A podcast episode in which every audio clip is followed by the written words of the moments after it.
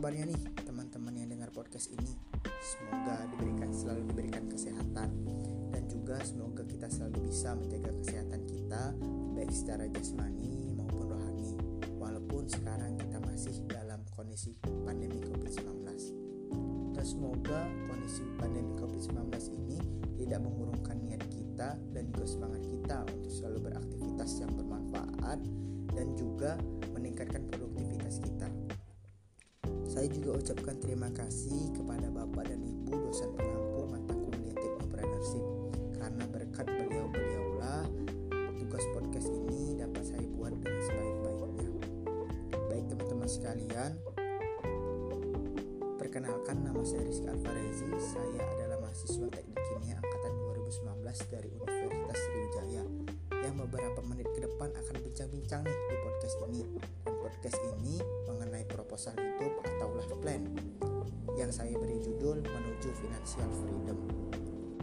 Sebelum kita bincang lebih jauh, kita kenalan dulu nih apa itu life plan atau proposal hidup.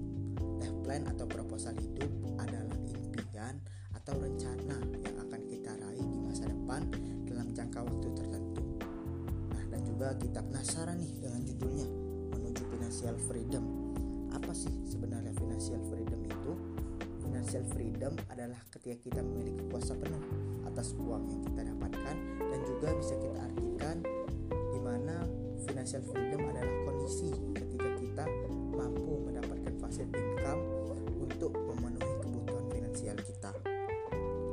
Dan saya sebagai mahasiswa angkatan semester 3 yang ingin menuju ke sana untuk yang ingin menuju financial freedom pasti banyak hal-hal yang harus saya lalui dan juga yang harus saya lakukan.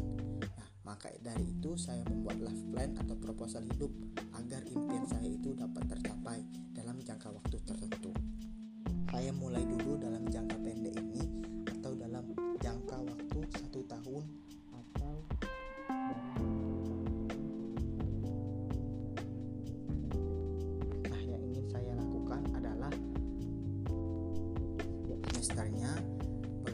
bisa meningkatkan indeks prestasi saya dalam bidang akademik dan juga aktif di organisasi dan ikut dalam kepanitiaan.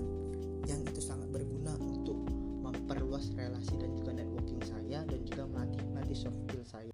Dan juga selain itu saya ingin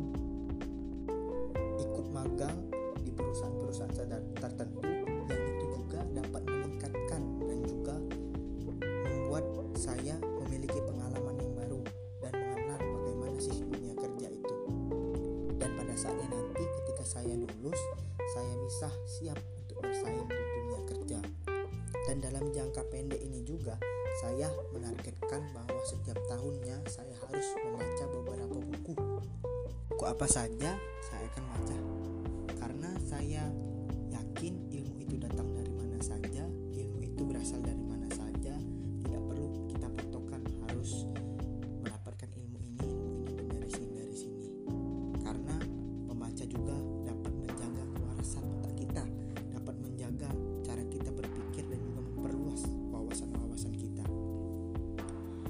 mungkin itu yang dapat saya lakukan dalam jangka waktu satu tahun ke depan. Nah barulah ketika saya lulus nah di sinilah petualangan ingin saya mulai.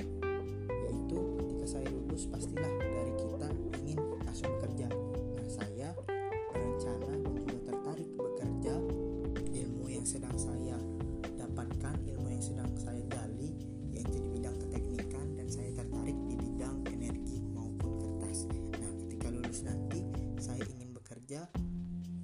di bidang energi maupun kertas baik itu BUMN dari swasta ataupun perusahaan-perusahaan lainnya. Karena saya saya akan memulai petualangan saya dari sini. Sebenarnya saya ini mempunyai impian dan cita-cita menjadi seorang pebisnis yang akan menuju financial freedom tadi. Tapi untuk menuju ke sana saya akan menata lingkungan saya saya adalah orang yang pertama yang akan menuju impian saya itu. Jadi saya harus mulai dari nol dari diri saya sendiri dan juga membangun anak tangga menuju impian itu. Nah apa sih yang akan saya lakukan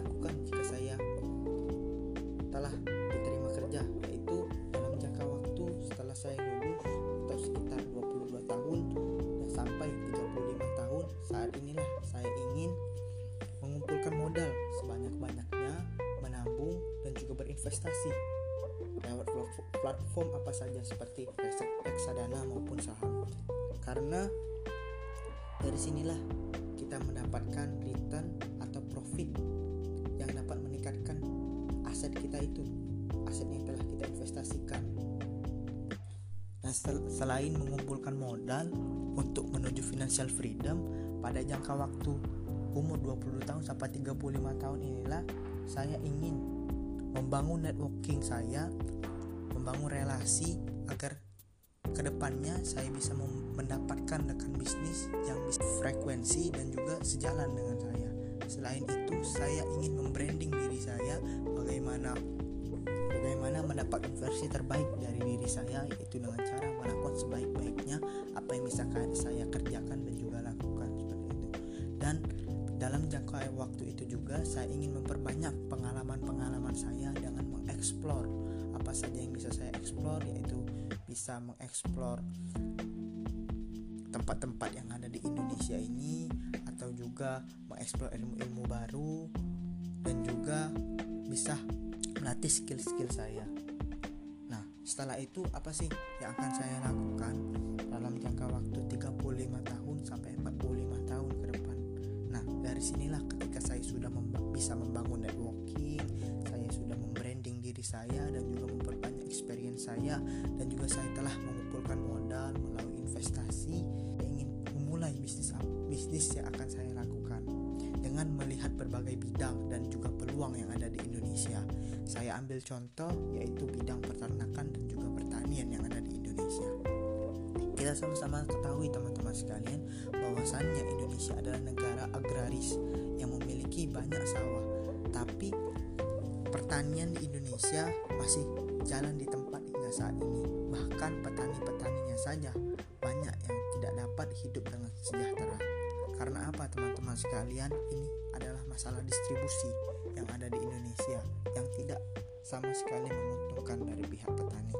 Kalau kita pikir-pikir, profesi petani adalah profesi yang sangat menguntungkan dan juga menjanjikan karena masyarakat Indonesia sangat membutuhkan bahan-bahan pokok yang disediakan oleh petani. Tetapi kenapa sih petani tidak mendapatkan hidup yang sejahtera? Ya, kita balik lagi karena distribusinya yang tidak berjalan dengan baik di mana dengan harga murah tetapi yang diuntungkan adalah tengkulak atau penyalur daripada hasil dari pertanian itu sendiri. Nah, saya ingin jika saya bisa memulai bisnis dan mendapatkan networking dan juga branding diri yang baik, saya ingin memperbaiki proses distribusi dari pertanian itu sendiri. Bagaimana bisa petani mendapatkan harga yang wajar dan juga tengkulak mendapatkan keuntungan yang wajar. Jadi kita sama-sama menguntungkan daripada petani itu sendiri proses distribusinya sebaik-baiknya. Yang kedua adalah bidang peternakan. Yang sama-sama kita ketahui bahwasannya peternakan ini memang tidak terlalu populer di Indonesia. Tetapi ketika kita bayangkan jika kita beternak sapi, sapi itu adalah hewan yang bisa kita gunakan semua. Kulitnya dari mulai torannya bisa kita gunakan semuanya. Nah, dari sini saya akan lebih mengefektifkan bidang peternakan di Indonesia memanfaatkan sebaik-baiknya yaitu seluruh bagian daripada peternakan itu sendiri. Dan saya juga fokus pada kotorannya yaitu biogas bagaimana pemanfaatan biogas yang masih jarang di Indonesia. Dan kita kembangkan biogas tersebut untuk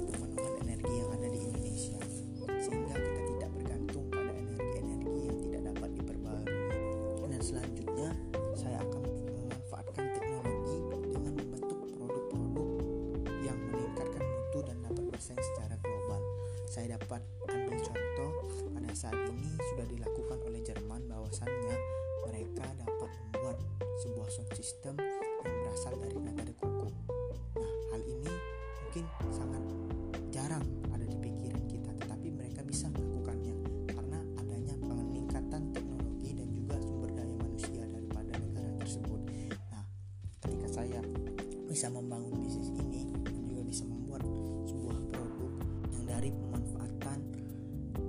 bahan-bahan yang mungkin hanya bisa kita gunakan untuk konsumsi makan saja tetapi dapat membentuk produk yang sangat bisa menjamin mutu dan juga kualitas. Contohnya tadi yaitu data de buku tadi yang bisa dibuat menjadi sound system meningkatkan teknologi dan juga sumber daya manusia harus kita genjot guna meningkatkan teknologi dan juga sumber daya manusia agar kita ke depannya dapat bersaing secara global melalui produk-produk yang kita hasilkan dengan mutu terbaik. Selain itu teman-teman sekalian ketika kita mendapat keuntungan daripada apa yang kita lakukan dan juga dapat bermanfaat kepada orang lain kita juga bisa membangun bisnis-bisnis lain.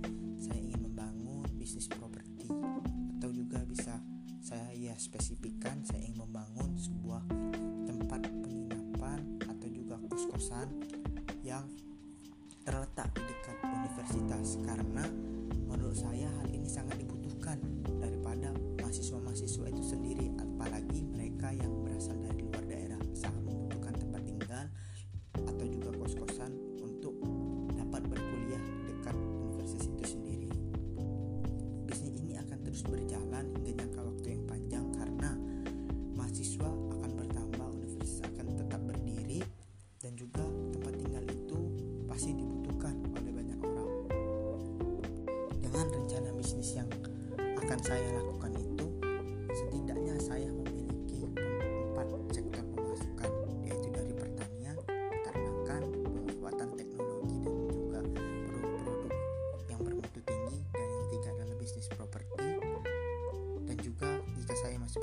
saya memiliki active income atau bekerja suatu perusahaan.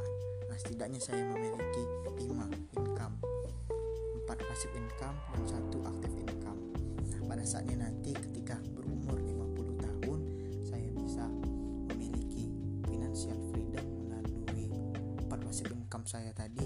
Kalau saya tidak lagi bekerja dan juga saya bisa fokus pada umur 50 tahun kepada keluarga saya dan juga pada pembentukan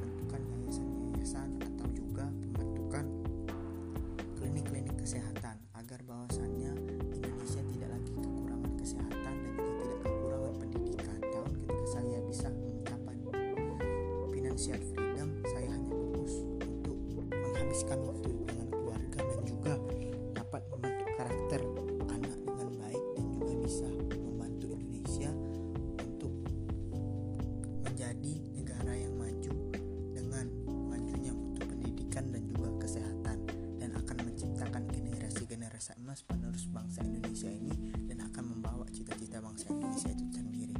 Mungkin itu saja yang dapat saya sampaikan pada podcast kali. Assalamualaikum warahmatullahi wabarakatuh. Terima kasih kepada teman-teman sekalian yang telah